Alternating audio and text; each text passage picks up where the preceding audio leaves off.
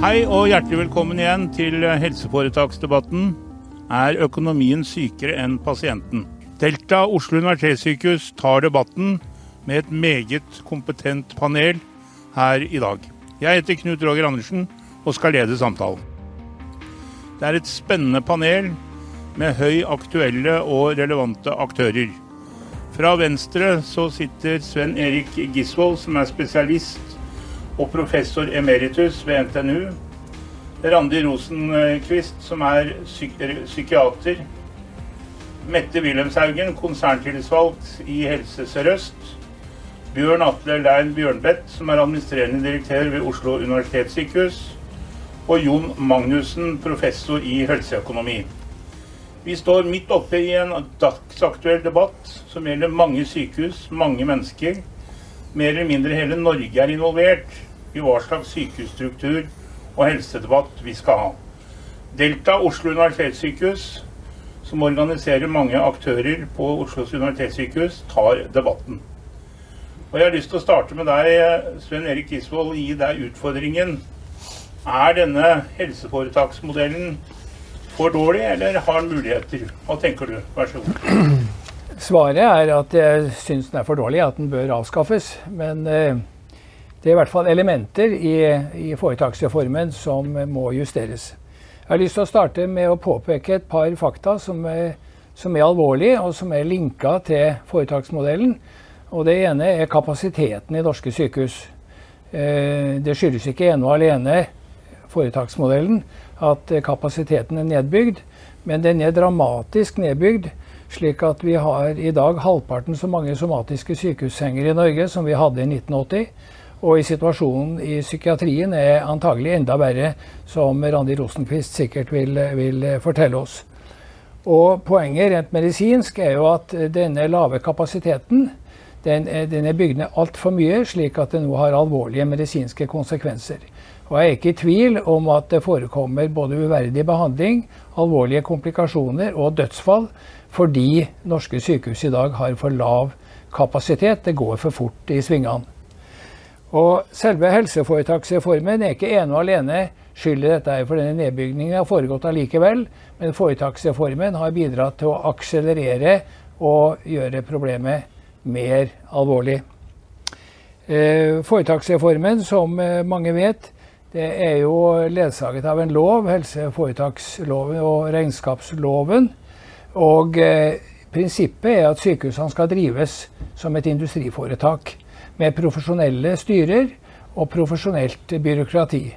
Og det har da ført til, selv om det kanskje ikke var intensjonen, men det har da ført til at det har blitt et nesten ensidig fokus på eh, produksjon, logistikk og økonomi, og at den økonomiske grunnlinje på en måte er blitt alle aktiviteters mål ved norske sykehus.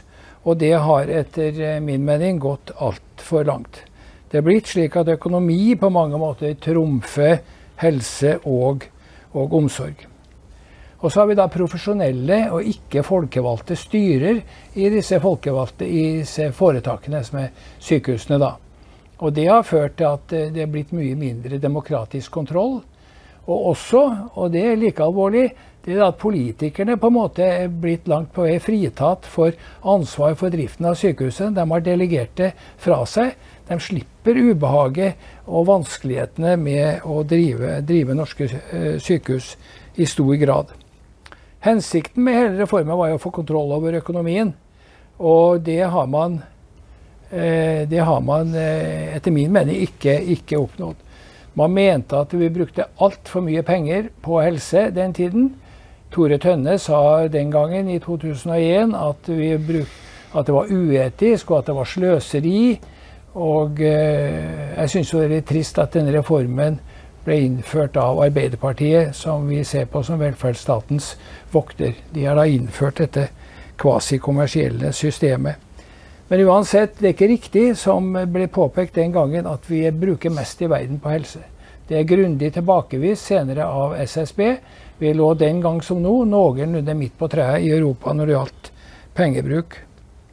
En annen myte som har fått festa seg, er jo det at dette med å investere i helse ikke er verdiskapning. Og det er jo totalt feil. Ikke bare er det verdiskapning å drive med helse og utdannelse. Det er helt grunnleggende for all annen verdiskapning også i samfunnet. Så det er også en myte som bør, eh, som bør eh, avlives. Og så er det selve prinsippet om at man får betalt per ytelse. Du får betalt per behandling, per operasjon osv. Så, videre, så skal sykehuset skaffe seg inntekt og egenkapital.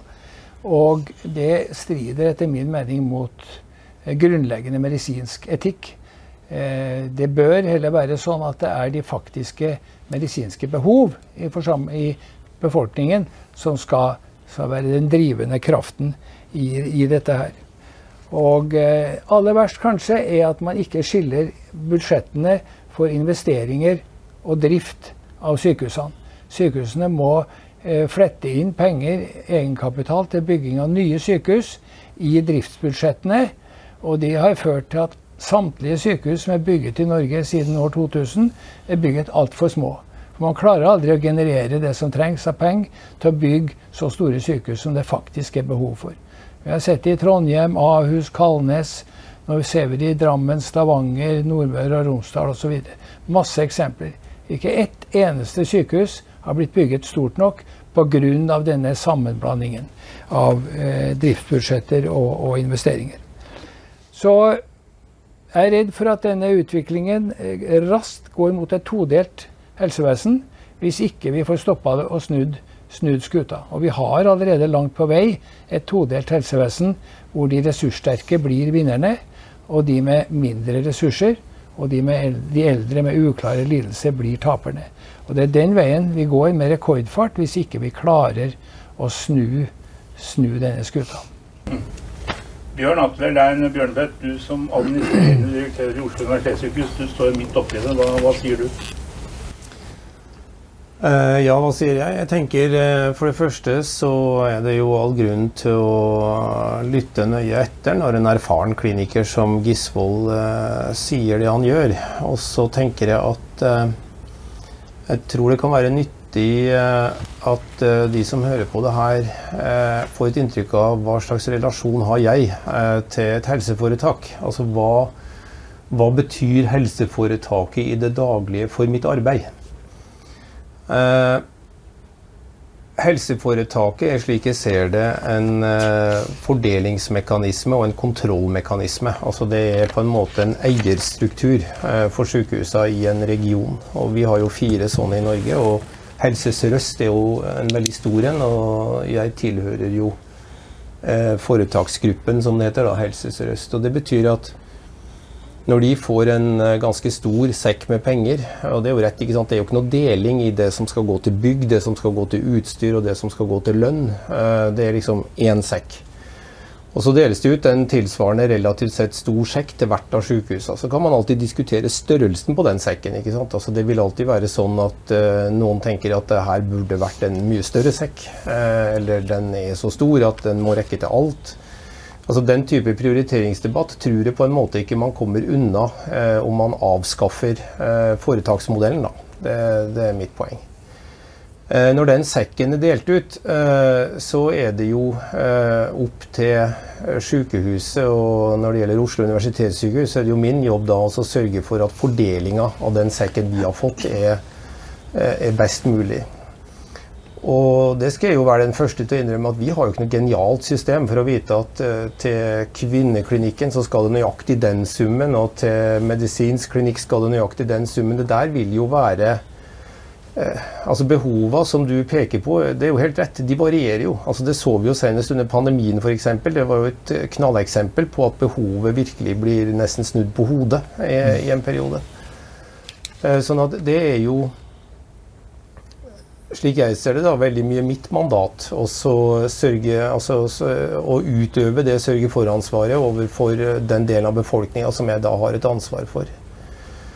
Uh, at, uh, at, det styres utelukkende på penger og ikke på fag, det, det tror jeg kanskje kan variere en del. Altså, rett og slett fordi det er klart at du har tradisjonelt veldig sterke fagmiljøer, i hvert fall der jeg jobber, som, som, eh, langt på vei altså det jeg vil kalle et veldig modent fag. Da. Eh, og de, de, vil jo i stor grad ha gjennomført veldig mye av de investeringene og være der de skal være på personellsida. For ikke kreftomsorg er et sånt område. Altså det, det, er et veldig modent fag. De har veldig sånn ordning og rede, og det er veldig sånn godt kvalitetssikra. Men så har du andre fagområder som er mye mer vanskelig, eh, vil jeg si. Og de de er litt mer bekymra for når det kommer til har de egentlig de ressursene de trenger. Fordi det er vanskeligere å være sikker på hvordan ser det egentlig ut innenfor, eh, innenfor det fagområdet. Det som er utgangspunktet for debatten, altså er, er foretaksmodellen liksom en, en, en, genial løsning. Eh, og eh, ville det vært altså Både du og jeg Gisvold, husker vel egentlig godt hvordan det var da politikerne satt i styra i sykehusene. Eh, jeg har erfaring fra det fra Gudbrandsdalen eh, fram mot olympiaden i 94. Eh, og jeg skal love deg at det var ikke noe bedre, altså. Eh, da, da, da slåss de så fillene fauk, altså. Eh, I forhold til at nå ble det gitt det og det til Lillehammer sykehus. Da skulle det i hvert fall være noe tilsvarende på Gjøvik. Og Hamar, eh, vi må også få noe. Altså, det, det, det var det, det, det, var ikke en bedre modell, det er min hjertens mening. Og så kan man diskutere om foretaksmodellen er en genial modell. Det, jeg tror ikke uansett at du kommer unna at det må være et eller annet nivå her da, mellom et departement og, og utøvende, altså de som er utøvende, sykehusene, for å fordele ressursene. Men om det burde vært kanskje et nasjonalt sykehusdirektorat, eller om det skal være de RHF-ene, det, det har ikke jeg noen tung mening om, egentlig. Takk for det. Eh, Jon Magnussen, du jo, er jo professor, men du leda jo også sykehusutvalget som skulle se på disse perspektivene framover og vurdere opp, opp til nåtiden. Hva tenker du om tematikken? Nei, jeg kan vel slutte meg til at helseforetaksmodellen ikke er, ikke er genial. Eh, så tror jeg kanskje heller ikke den er så dårlig som Svein Erik vil ha den til. Eh, vårt mandat i sykehusutvalget var jo å, å se om, om, det var mulig å endre hvordan, hvordan, sykehusene ble organisert, ledet og styrt innenfor rammen av, av en helseforetaksmodell. Og vi konkluderte på ganske mange områder på at det er et betydelig eh, forbedringspotensial innenfor den modellen vi har i dag. Uh, og så har jeg lyst til å liksom, begynne litt lenger opp i, opp i, opp i det overordnede og, og, og, si at det er, jo, det er jo det er bred enighet, jeg vil si at det er full enighet på tvers av alle politiske partier i dette land om at vi skal ha en, en sterk offentlig finansiert helsetjeneste som skal gi gode, likeverdige tjenester til hele befolkningen. Og vi har politisk styring av den helsetjenesten på overordnet nivå gjennom f.eks. Stortingets budsjettbevilgninger, som jo legger rammen for hvor mye ressurser vi skal bruke på helsetjenesten. Gjennom geografisk fordeling, gjennom prioriteringskriterier. altså På veldig mange områder så legger Stortinget ganske klare politiske føringer på hvordan denne helsetjenesten skal være. Og så har vi en diskusjon som da dreier seg om når vi går lenger ned, altså når vi nærmer oss selve pasientbehandlingen, selve organiseringen av tjenesteutformingen, fordelingen av funksjoner internt i et helseforetak, mellom helseforetak, prioriteringer internt i et helseforetak, organisering av driften. Hvor nært skal politikerne være? Hvor tett på skal politikerne være? Og i den, i den, i den gamle modellen Uh, jo, hvor man hadde fylkeskommunal styring, så satt fylkespolitikerne tett på. Når staten overtok helseforetakene i 2002 og organiserte dette som foretak, så var liksom noe av tankegangen at politikerne skulle ha en, denne berømte armlengdes avstand til de beslutningene som skjer i klinikken. Og så tror jeg at den armlengden har blitt i en del tilfeller litt for lang. Ja. Uh, det tror jeg ikke har noe med nødvendigvis skyldes måten modellen er satt opp på, men, men, men, men jeg tror Svein Erik har et godt poeng når han sier at man av og til kan få inntrykk av at politikerne gjemmer seg bak modellen for å unngå å ta beslutninger som modellen fullt ut gir de muligheten for å ta. Så Noe av det som vi påpeker i sykehusutvalget, er jo at det må lages, det må lages eh, både mekanismer som sikrer at lokalpolitikerne, både kommuner og fylkeskommuner, eh, får større innflytelse, på de, eller, større innflytelse, større medvirkning i de beslutningene som fattes. Men så påpeker vi også at statsråden og Stortinget har et ansvar for å være mer på.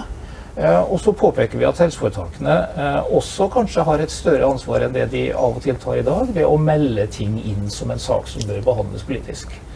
Sånn at jeg tror kanskje ikke det å nødvendigvis å ta bort modellen i seg selv gjør at, du, at ting blir så veldig mye bedre, men jeg tror det å lage noen lage noen rutiner og noen mekanismer og noen systemer som sikrer at du både har lokalpolitisk medvirkning, og som kanskje i større grad enn i dag si, tydeliggjør befolkningens forventninger til politikerne om at politikerne av og til må på banen og fatte de beslutningene som er upopulære, og ikke skyve helseforetakene foran seg, det tror jeg er nødvendig.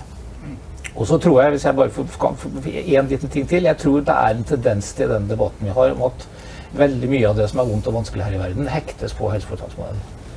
Uh, og det gjør at den der, skal vi si, mer av og til de tekniske diskusjonene om hvordan ting skal være organisert, blir vanskelig å ha. fordi at størrelsen på budsjettene blir helseforetaksmodellen sin skyld. Gale prioritering blir helseforetak. Altså alt blir på en måte helseforetaksmodellen sin skyld. Og det tror jeg ikke det er. Jeg tror vi må nødt til å skille, skille si, de enkelte elementene i utformingen, styringen og organiseringen av helsetjenesten litt fra hverandre, og kunne ta én og én problemstilling av gangen.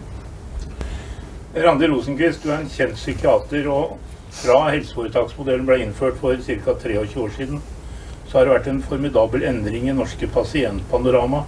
Psykiske lidelser er blitt den kanskje store folkesykdommen, i hvert fall omtales det i flere meldinger. Hva tenker du om eh, problemstillingen? Så da helseforetaksmodellen kom, så tenkte jeg at dette her var bra. For da får man innsatsstyrt finansiering, og politikerne kunne da si at vi betaler ekstra godt for behandling av psykiatriske langtidspasienter. Det har de ikke gjort. Så det var vel kanskje litt naivt av meg. Men jeg tenker den gangen det ble innført Jeg har vært i Oslo i, i 45 år. Og da, før det så hadde vi en spesialisthelsetjeneste som ble eiet av fylkeskommunen.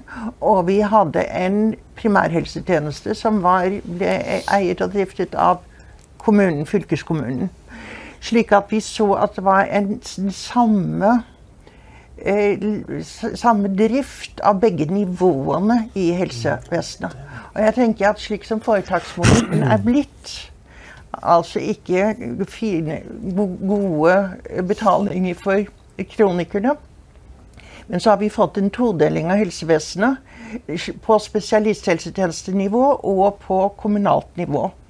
Og jeg ser at god budsjettstyring i helseforetakene, som alle andre foretak, alle andre instanser, er jo å skyve utgifter over på noen andre.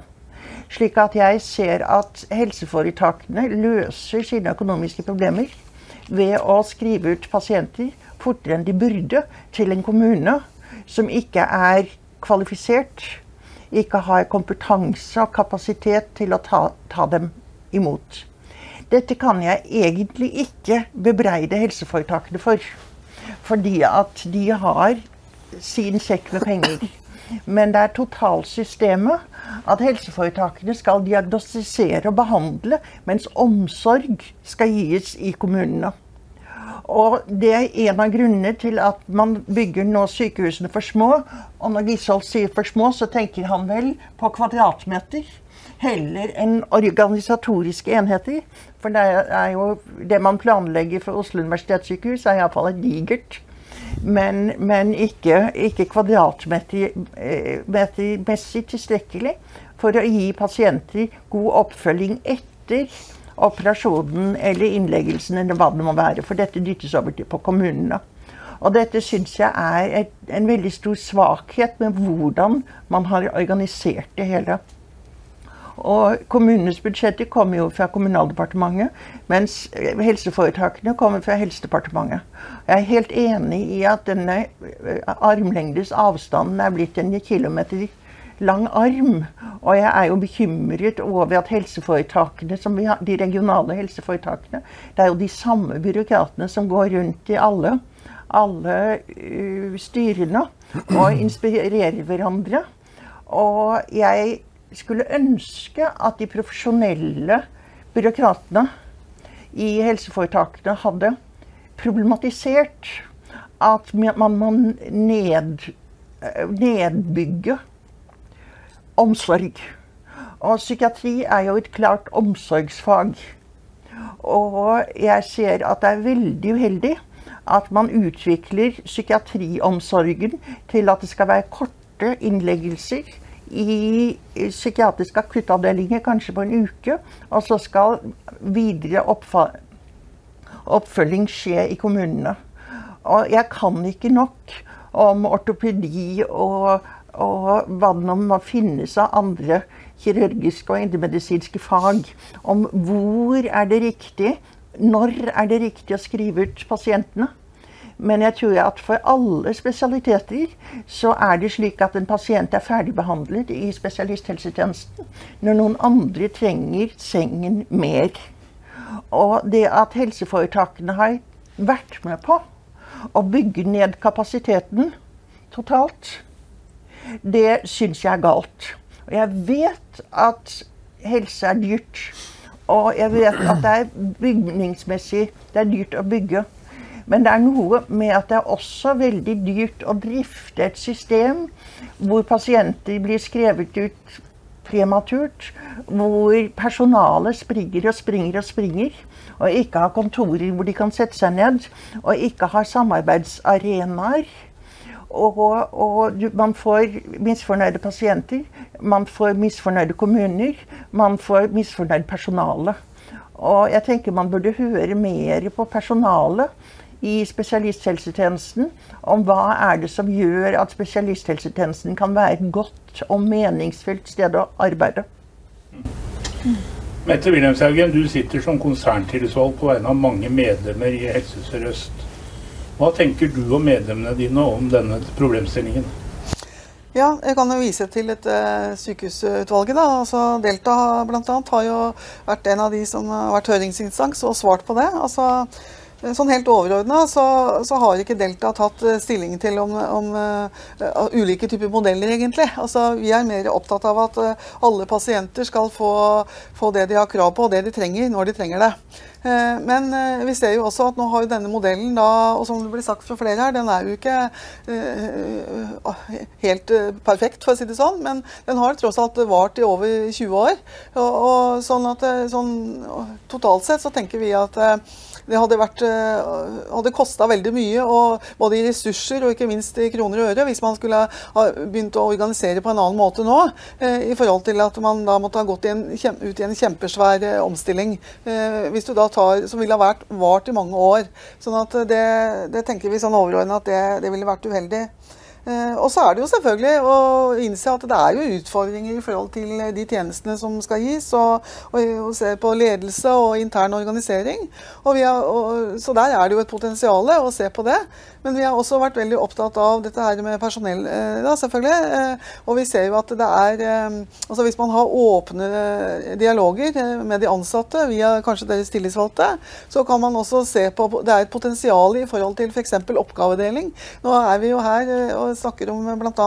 Delta og sine, eh, sine yrkesprofesjoner i, i, sykehusene. Og de, de, vi vet jo det at det er mange som eh, faktisk har eh, både utdanning og kompetanse til å kunne ha, inneha andre oppgaver enn det de har per i dag. Og så ligger det også et uforløst potensial, mener vi, i forhold til at det eksempelvis er en del deltidsansatte. Så der ligger det også en del ubrukt potensial. Men så er det jo også det å nevne at Eh, det er jo ikke alle tjenester som er eh, like egna til å og, altså Man løser ikke alt bare med oppgavedeling heller. og Vi kan jo nevne bl.a. prehospitale tjenester, som da er en, et stort tjenesteområde for, eh, for, Delta. Der kan det jo være, virke som at de tjenestene da øker jo mer og mer, altså behovet for det. Og da er det jo ikke sånn at man bare kan, kan dele de oppgavene, men da kanskje man må innse at man faktisk trenger mer ansatte innen akkurat den tjenesten, eksempelvis. da. Eh, sånn at eh, ja, nei, så, og Vi mener jo også at i forhold til eh, styrene og, og, dette, og organiseringen, så mener vi at det er, det er, riktig at det skal være regionalt styrt. Og at, og at man må da se på altså en tettere dialog da, mellom de ulike både lokale, og regionale og sentrale organer, for, for å bruke det uttrykket. Og så er jeg også enig i det som ble sagt her, i forhold til denne, altså dette med kommunene og, eh, og spesialisthelsetjenesten. Ja, vi er enig i det, at det er eh, mange oppgaver som eh, kommunene da kan løse for sine egne innbyggere. Men da er det jo også viktig, sånn som det ble sagt fra Randi og, flere her, at, at det da må følge ressurser. Og ikke minst så er det dette med kompetanseoverføring. Vi vet jo at det er store utfordringer i kommunene sånn det er per i dag. Og vi ser jo ikke for oss at det, det bare er noe quick fix, for å si det sånn. da, at det blir løst eh, over natta heller. Så men det, disse helsefellesskapene som er eh, etablert, det, det, er det nok også et stort potensial for, for å utvikle. Og hvis jeg tenker f.eks. da med Oslo universitetssykehus, så, så, vet jeg at det jobbes jo tett opp mot Oslo kommune f.eks. Men det kan jo, og jeg vet jo også at dere Bjørnebeth, i høringssvaret deres eh, sa noe om uklare ansvarslinjer i forhold til mellom eh, kommunene og, og spesialisthelsetjenesten. Så, så, det er mange ting som, eh, som man kan gjøre for at, eh, for at, modellen skal stå seg bedre, for å si det sånn. Men så er jo selvfølgelig, for å avslutte med det, da, at eh, modellen er ikke, er ikke perfekt. Men vi mener jo at det er et stort potensial som kunne gjort at ting kunne vært bedre, også løst bedre enn det det er per i dag. da. Ja, Søren Erik Gishold, Gishold, du har hørt nå runden her. Det er ingen som er helt fornøyd med modellen din.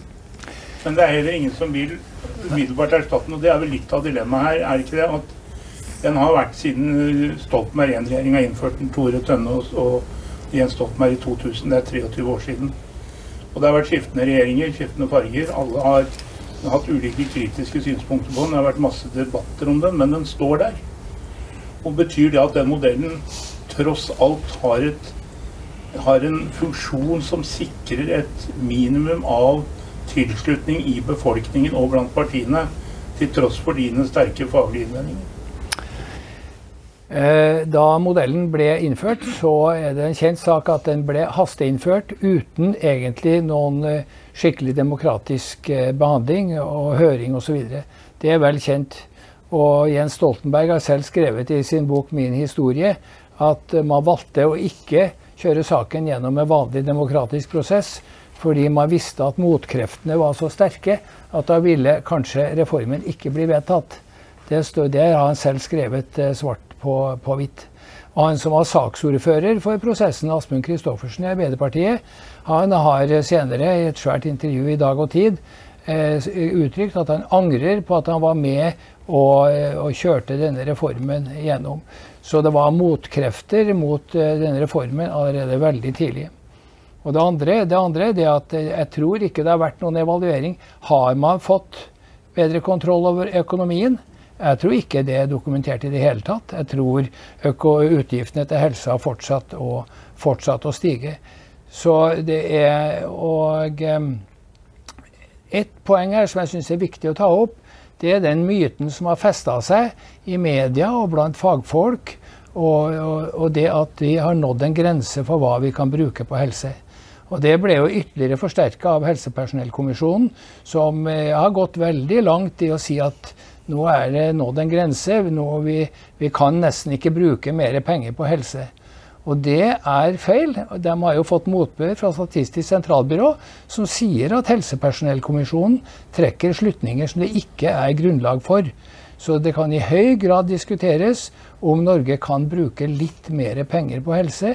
Og det er i hvert fall et spørsmål som må avgjøres av folket. Det er et politisk spørsmål.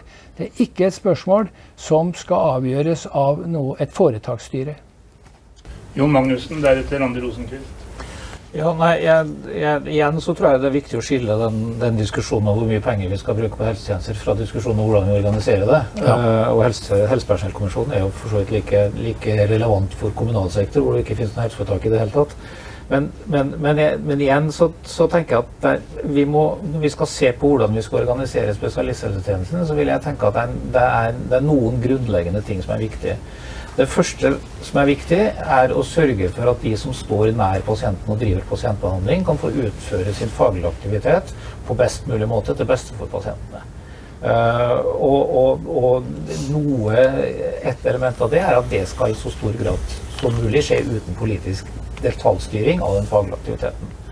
Og så Hvis du går ett nivå lenger opp, så er jeg opptatt av at du, Norge er et langstrakt land. Uh, vi kan ikke ha høyspesialiserte tjenester på hvert enkelt nes. Vi er nødt til å ha en eller annen form for geografisk regional koordinering av hvordan dette tjenestetilbudet skal utformes. Det er også en politisk oppgave til syvende og sist, men det krever en, en, en regional enhet. Mm. Og så har du på en måte Stortinget øverst, som skal legge de overordnede politiske rammene. Og så er spørsmålet hva, hvordan, hvordan, ordner du dette på best mulig måte? Ordner du dette på best mulig måte ved å, ved å skille drift og, drift og, og, og av virksomheten mer fra det politiske systemet, eller skal du tilbake til en, til en gammel fylkeskommunal modell hvor fylkespolitikerne satt og nærmest bestemte hvor mange spesialister man skulle ansette på hver enkelt sykehusavdeling. Jeg tror ikke det er veien tilbake. Nei da, det tror ikke jeg heller, bare for å ha sagt det. Ja, da, og, og da, og, men, men, det er det å finne balansen mellom å la de som driver faget, få lov til å drive faget, og sørge for at du har politisk kontroll på de områdene hvor du er nødt til å ha politisk kontroll.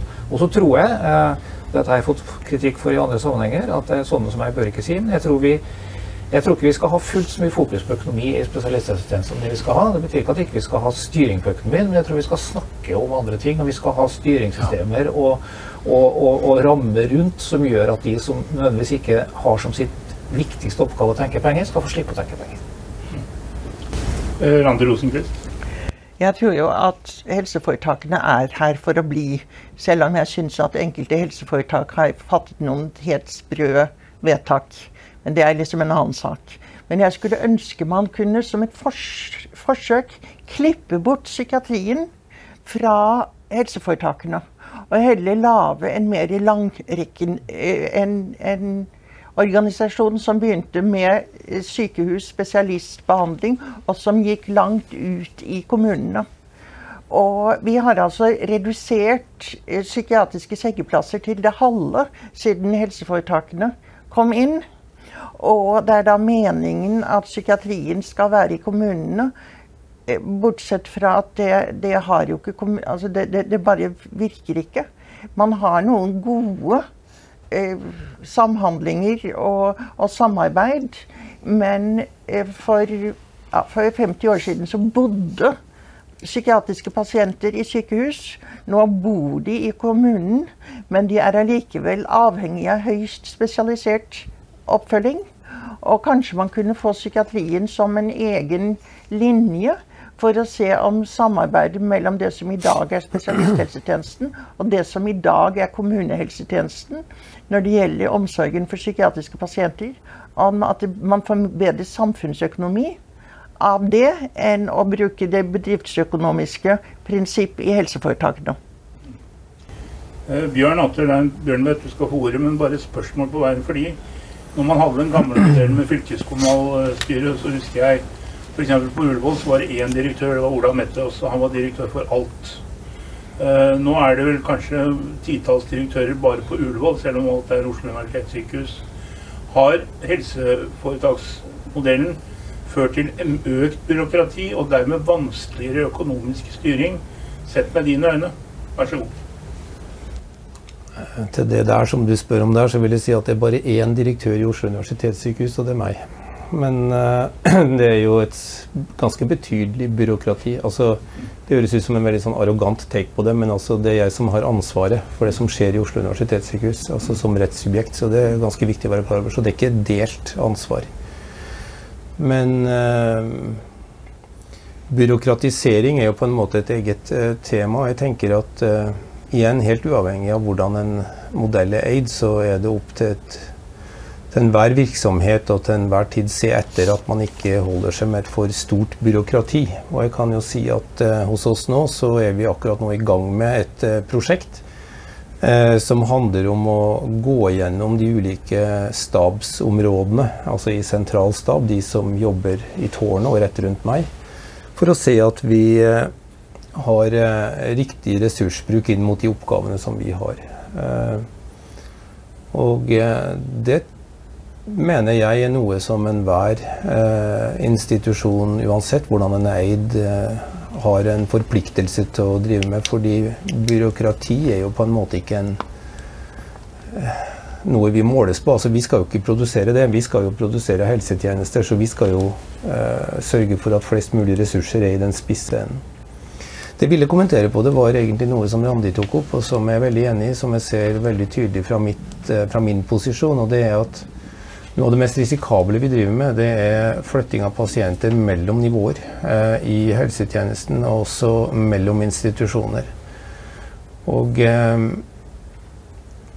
det er jo ikke sånn at kommunene eh, Hva skal jeg si er noen slags offerlam i den forstand. Altså det, jo, det, var jo et politisk vedtak noen år tilbake som eh, overførte ganske mye ressurser egentlig også til kommunal sektor. For at de skulle settes i stand til da, eh, på ulikt vis å håndtere en større del av pasientforløpet, tror jeg var liksom formuleringa. Og så tror ikke jeg at det har vært vellykket, for å være tydelig på det. Jeg tror at uh, en del pasientforløp, og kanskje spesielt det som du representerer, ville hatt uh, betydelig hjelp av å være eid et sted. Ja, Men da er vi enige om noe, da. jeg tror at eh, hvis du ser også Ikke sant Jeg har lyst til å trekke opp et annet aspekt. altså det vi snakker jo om eh, liksom en undertone her at det går stadig dårligere i helsevesenet. Det, min påstand er at det gjør det ikke. Altså Fra jeg ble født og til i dag, så har for, levetidsutsiktene for min alderskort økt med tolv år.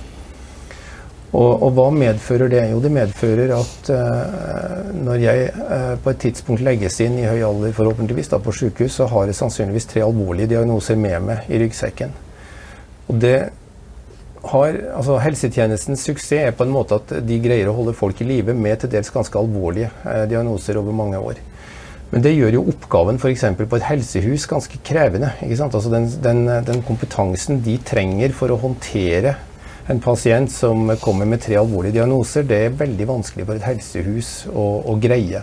Og da har du en ganske sånn uheldig eh, nivådeling. Altså Der er jo de sengene som på en måte hvis folk peker på en nedbygd. De er lagt i et helsehus, men det er ikke sikkert igjen da, at det er en genial løsning. Det kan godt være at det burde vært organisert annerledes. En siste ting jeg har lyst hvis jeg har tid til det, det er å si at den debatten her rundt ressursbruk, den, den, den kan jo ikke føres på den måten at man sier at ja, sykehusene gjør alt rett. Altså De gjør så godt de kan, og de bruker ressursene sine helt optimalt. Altså Jeg kan fortelle dere som en dårlig skjult hemmelighet at når vi sitter her nå, så drifter jeg eh, 150 senger som ikke er i bruk. Altså i Oslo universitetssykehus. Vi har 1400 senger. Og 150 av de sengene brukes ikke i dag. Og heller ikke i morgen eller i overmorgen. Altså det er en kapasitet som vi sitter på, eh, og som på grunn av den måten vi er organisert på, er en ressurs som da ikke brukes. Eh, og det er jo, sett med mine øyne, ganske alvorlig at, at det er sånn. Eh, en annen måte å se det på når det gjelder organisering, altså Fra 2010 og fram til i dag så er det i spesialisthelsetjenesten 30% flere doktere, det er 20% flere sykepleiere ansatt. Og Jeg tror ikke at det nødvendigvis er overflødig, men jeg mener at det påligger sånne som meg da, et tydelig ansvar på å se på hvordan organiserer vi tjenesten. Er det sikkert at det er eh, optimalt den måten vi har organisert det på? Det ser vi på i sykehus hos oss nå. Og for å si noe tydelig til deg, så er det jo sånn at antall helsefagarbeidere har jo gått ned i samme tidsperiode. Mm. Og det tror jeg er svært uheldig. Eh, jeg tror vi trenger langt flere helsefagarbeidere inn i tjenesten. Og jeg tror at måten vi organiserer også ditt gamle fag på Gisvold, dette med drift av intensivsenger f.eks., er ikke sikker på at det mest geniale vi har gjort, er det å fylle opp med spesialsykepleiere utelukkende. Uh, Mette Wilhelmshaugen. Ja. Jeg var litt i forhold til dette med fagmiljø, og det var vel du Gisvold, som var inne på dette med at Eh, altså opprettholdelse av små sykehus og små enheter. Eh, jeg har jo I min rolle da som konserntillitsvalgt så har vi jo vært på en litt sånn reise rundt holdt jeg på å si, til ulike mindre lokalisasjoner innen ulike helseforetak. Eh, og det som man også da ser, da, at, for det har jo da vært politiske vedtak ikke sant, i forhold til distriktspolitikk og sånn, at man skal opprettholdelse av, av ulike lokalisasjoner, det være seg Tynset eller, eller Flekkefjord eller Notodden eller hva det måtte være. Og det som da er jo en utfordring som dere i hvert fall du sikkert også er kjent med, er jo det at eh, altså det, det, er for få eh, pasienter ikke sant, i forhold til at man får etablert et fagmiljø, og at, eh, og at ja, får nok operasjoner, bare for å si en ting, da, innen et område osv. Så, videre. så Så det er jo sånne utfordringer også. så at eh, da, eh, så det å skille på, som du var inne på, Magnussen, å skille på dette med, med økonomi og, og fag, det, det syns jeg er kjempeviktig. Eh, og, fordi at Når du snakker med fagmiljøene, så, så sier de jo nettopp det at nei, de, de, søker seg til litt større enheter, da, eksempelvis fordi at der har de et fagmiljø og får praktisert faget sitt. Eh, og, ja, og de fleste ville vel ikke bli operert av en som kanskje da ikke hadde operert de siste eh, ja, så og så mange operasjoner i året. da. Eh, ikke har en erfaring f.eks. på, et, på et, et område. Eh, så det, pluss at det er det med fagmiljø. Og så eh, det som du sier i forhold til dette med Det var jeg jo inne på i stad også. Eh, dette med organisering altså av tjenestene. For det er jo det som vi, vi i hvert fall har vært veldig opptatt av i Delta òg. At vi ser at mange av våre grupper som da Og dette med oppgavedelinger og sånn, det, det, er det jo veldig fokus på. Og jeg syns også at det er veldig bra da, at det nå er nedfelt i helseforetakene sine oppdragsdokumenter. At man faktisk Det er et oppdrag da fra Helse- og omsorgsdepartementet at man faktisk skal, skal ha flere f.eks. lærlinger, eller ha, altså at det er ulike utdanningsnivåer. Og ja, at man skal se på total hva, hva har det enkelte foretak behov for. Det, og det er jo også et ledelsesansvar. Ja, at man må, og det opplever jeg at man har et større fokus på nå enn det man hadde tidligere. Og så har jeg bare også lyst til å støtte det som Randi sier i forhold til psykiatrien. Det er jo et kjempeviktig område, og det er jo det er veldig mye fokus på det. Og det jobber vi jo med veldig mye. ikke sant? Og, og, og det å, at det skulle vært organisert ett sted, det, det, den, det, synspunktet det deler jeg. Mm. Uh, Svein Erik Isvold, er det slik at finansieringsordningen, sånn som vi har ikke direkte berørt den, vi kan ta den nå mot slutten av samtalen her, er det en for stor hemsko for å hele tatt å gjøre helseforetaksmodellen eh, realiserbar, eller ser du at modellen bør vekk, erstattes av noe annet, og i så fall av hva? Og få inn en mer offensiv finansieringsmodell. Hva tenker du om det? Jeg er jo egentlig av den mening at uh, vi bør i all hovedsak ha en rammefinansiering uh, av sykehusene. Men jeg er ikke motstander av enhver form for innsatsstyrt finansiering. For jeg har jo lært meg i årenes løp at det å ha et økonomisk incitament til å jobbe, det er, det er, ikke så helt, helt, dumt. Så spørsmålet er det som Magnussen har vært inne på i, i forskjellige sammenhenger. Eh, nemlig at man kanskje må ha en høyere del av basisfinansiering og, eller rammefinansiering, og så ha en del utvalgte aktiviteter, spesielle aktiviteter, som da kan være innsatsstyrt. Dette må man diskutere. Men jeg mener ikke at all elendighet i verden skyldes helseforetaksmodellen. Jeg tror, jeg tror, den, kan, jeg tror den kan justeres, bl.a. på denne måten ved å ha en større ramme og mindre grad av innsatsstyrt finansiering, som er litt mer spisset og, og velbegrunnet. Eh, det tror, jeg, det, tror seg, det tror, jeg, lar seg, gjøre. Eh, og så bare en kort kommentar til det som Bjørn Atle, Bjørn Atle sa her om at alt er blitt dårlig Eh, altså Jeg vil ikke oppfatte det at alt er blitt dårligere i norsk helsevesen, men det har skjedd en del ting som er litt bekymringsfullt for en sosialdemokrat. Det burde være det. Og det er det at vi hadde en syv-åtte privatklinikker i Norge eh, ved starten på 2000-tallet, og nå har vi 42. Og det skal bygges to store privatklinikker nå i Bodø og Tromsø, og de kommer jo til å ta personell fra sykehusene i, i Nord-Norge for å drive sin virksomhet. Så det pågår en prosess med veldig høy hastighet i retning av en økende grad av privatisering av helsevesenet. Og det er en del av hele denne problemstillingen som man må ta mer på alvor, syns jeg. Men det det mye kan gjøres, f.eks. å splitte opp budsjettene i investeringsbudsjetter og driftsbudsjetter. Det kan også gjøres innenfor rammen av foretaksmodellen. Så man er ikke nødt til å avskaffe det hele. Bare en kjapp kommentar til det, det du tar opp der. Det er jeg helt enig med deg. Altså, det er en viktigste oppdraget vårt det er at vi rett og slett lykkes med å drifte eh, spesialisthelsetjenesten eh, i det offentlige. Det er et mm. kjempeviktig oppdrag. Jo, Magnussen. Ja, finansiering. Det, det er jo litt sånn sleivete, så er jo den innsatsstyrte finansieringen som vi har hatt nå i 20 år, det er jo liksom den andre knaggen som det meste som er vondt og vanskelig her i verden har hatt en tendens til å bli tenkt på. Og vi har jo foreslått i sykehusvalget å erstatte innsatsstyrt finansiering med rammefinansiering. Jeg tror det er viktig å være klar over at det er ikke noe fasitsvar her. Sånn. Det ene kan fungere godt på noen områder, og det andre kan fungere godt på andre områder. Når vi foreslår rammefinansiering, så, så er nok det ut ifra en betraktning om at nå har vi hatt innsatsstyrt finansiering i fra før helseforetaksreformen, altså i, i, i, mer enn 25 år. Eh, vi ser ikke de helt altså Jeg tror nok man det har fått en del både klinikere og sykehusledere til å tenke på en litt annen måte enn det man gjorde før, men, men utover det så ser vi ikke de helt store endringene verken i forhold til, til, til, til produktivitet, eller til, til, en viss grad så så man det til som aktivitetsøkning til å begynne med. Men, men, men, men liksom, det meste vi vet om innsatsstyrt finansiering, er at veldig mange av de som jobber i tjenesten, er misfornøyd med det. Altså liker det ikke. Mm. Uh, og da tenker vi at hvorfor, okay, hvorfor ikke nå innføre rammefinansiering? Og så tror jeg at den største utfordringen med rammefinansiering er at det, er, altså det krever en kulturendring. Det krever at når du får ditt budsjett på Oslo universitetssykehus, må du sette deg ned og si at hva skal jeg bruke disse milliardene til på best mulig måte for befolkningen, eh, i tråd med prioriteringskriteriene, sammen med kommunene, for å hindre at folk blir underdelagt inn på sykehus, og for å hindre at de blir for tidlig fra sykehus, eller at de engang ikke blir skrevet ut når de skal bli skrevet ut.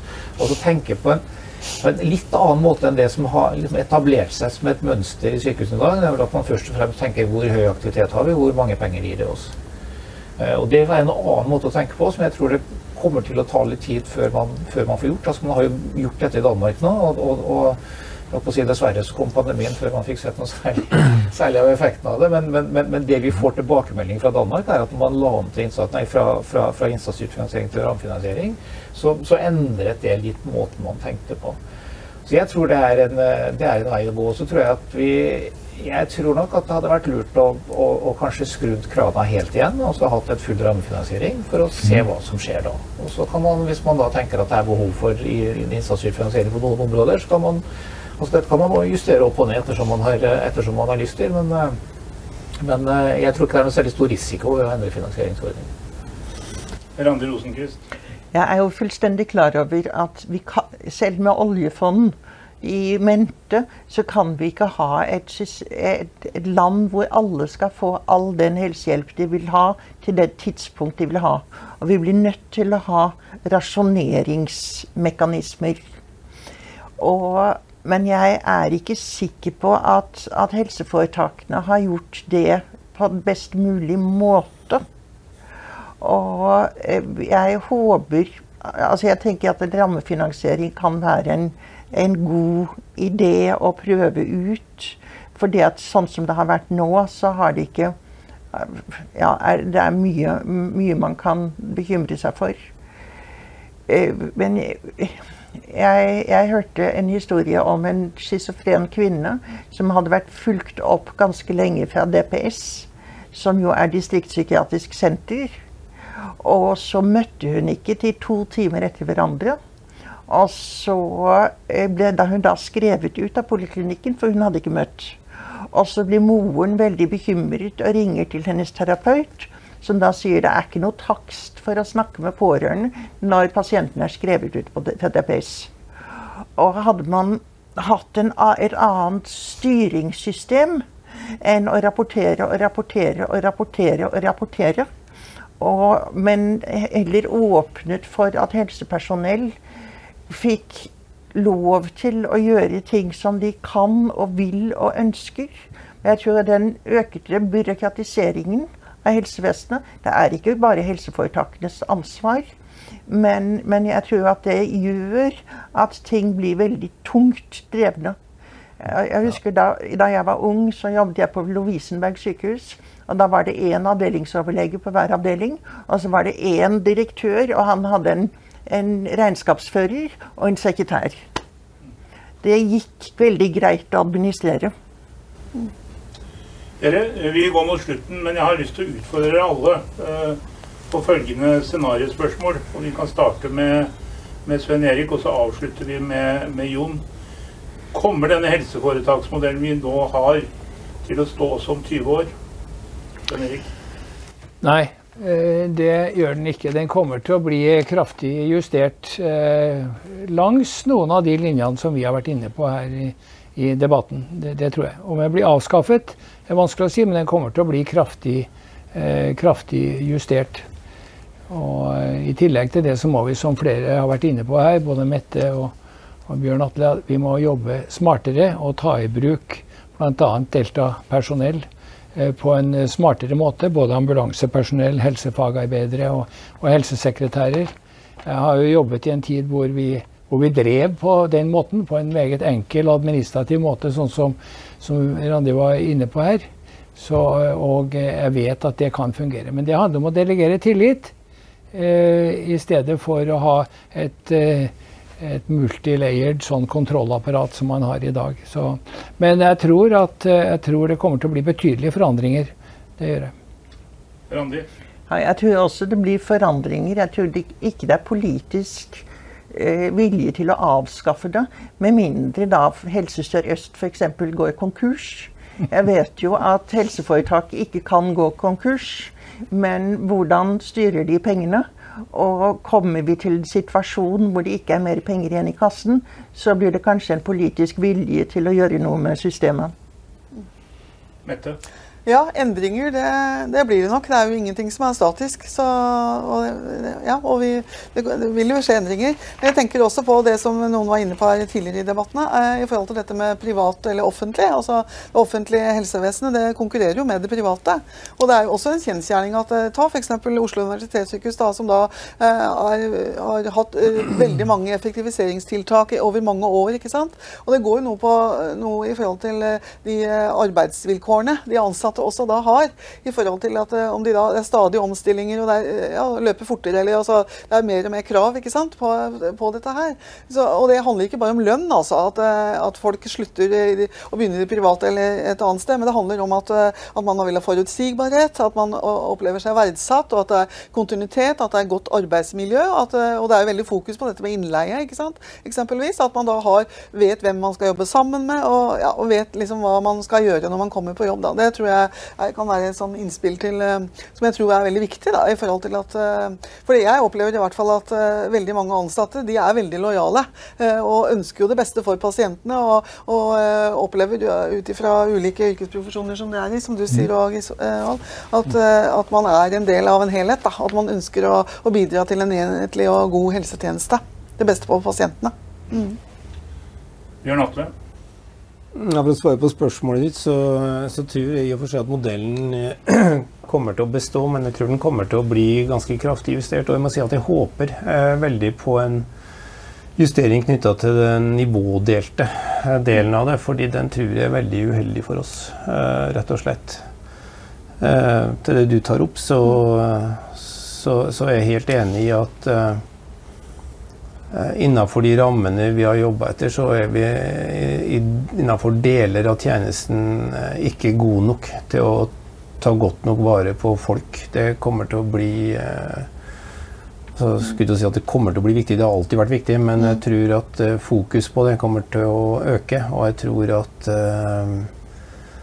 at vi i større grad må profesjonalisere ledelse. Da. Eh, fordi jeg tror at vi innenfor tjenesten har levd veldig lenge med at uh, den flinkeste fagpersonen også skal lede en virksomhet. Mm. Og det er ikke gitt at det er så Nei. smart alltid. Altså det, det, å være en god leder behøver ikke å bety at du er den kirurgen som opererer best. Uh, altså det er en mm. veldig sånn merkelig sammenblanding. Da. Mm. Så profesjonalisering av ledelse uh, for å ivareta alle aspekter av ledelse, ikke bare bokføringa, som, eh, som er sagt, men også det aspektet med faglighet og det aspektet med å håndtere personell. Det tror jeg blir viktig eh, og viktigere fremover. og der kan kanskje rammefinansiering bidra til et litt endra mindset. Da. Det kan mm. jo godt tenkes.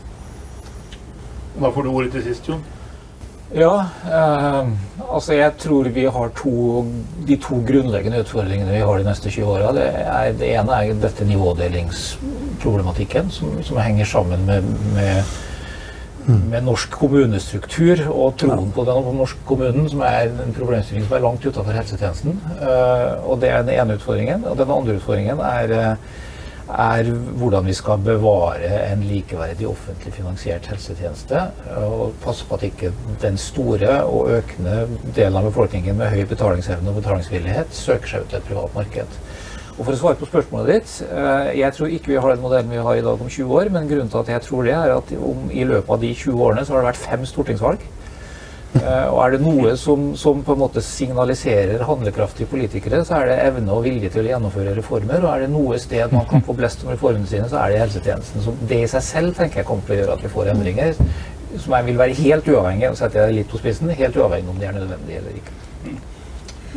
Denne debatten kommer definitivt til å fortsette, det er jeg helt sikker på, men her er den slutt. Tusen hjertelig takk for uh, samtalen til dere alle. Og tusen takk for dere som hørte på. Og takk til Oslo universitetssykehus Delta som tok initiativ. Ha en god dag.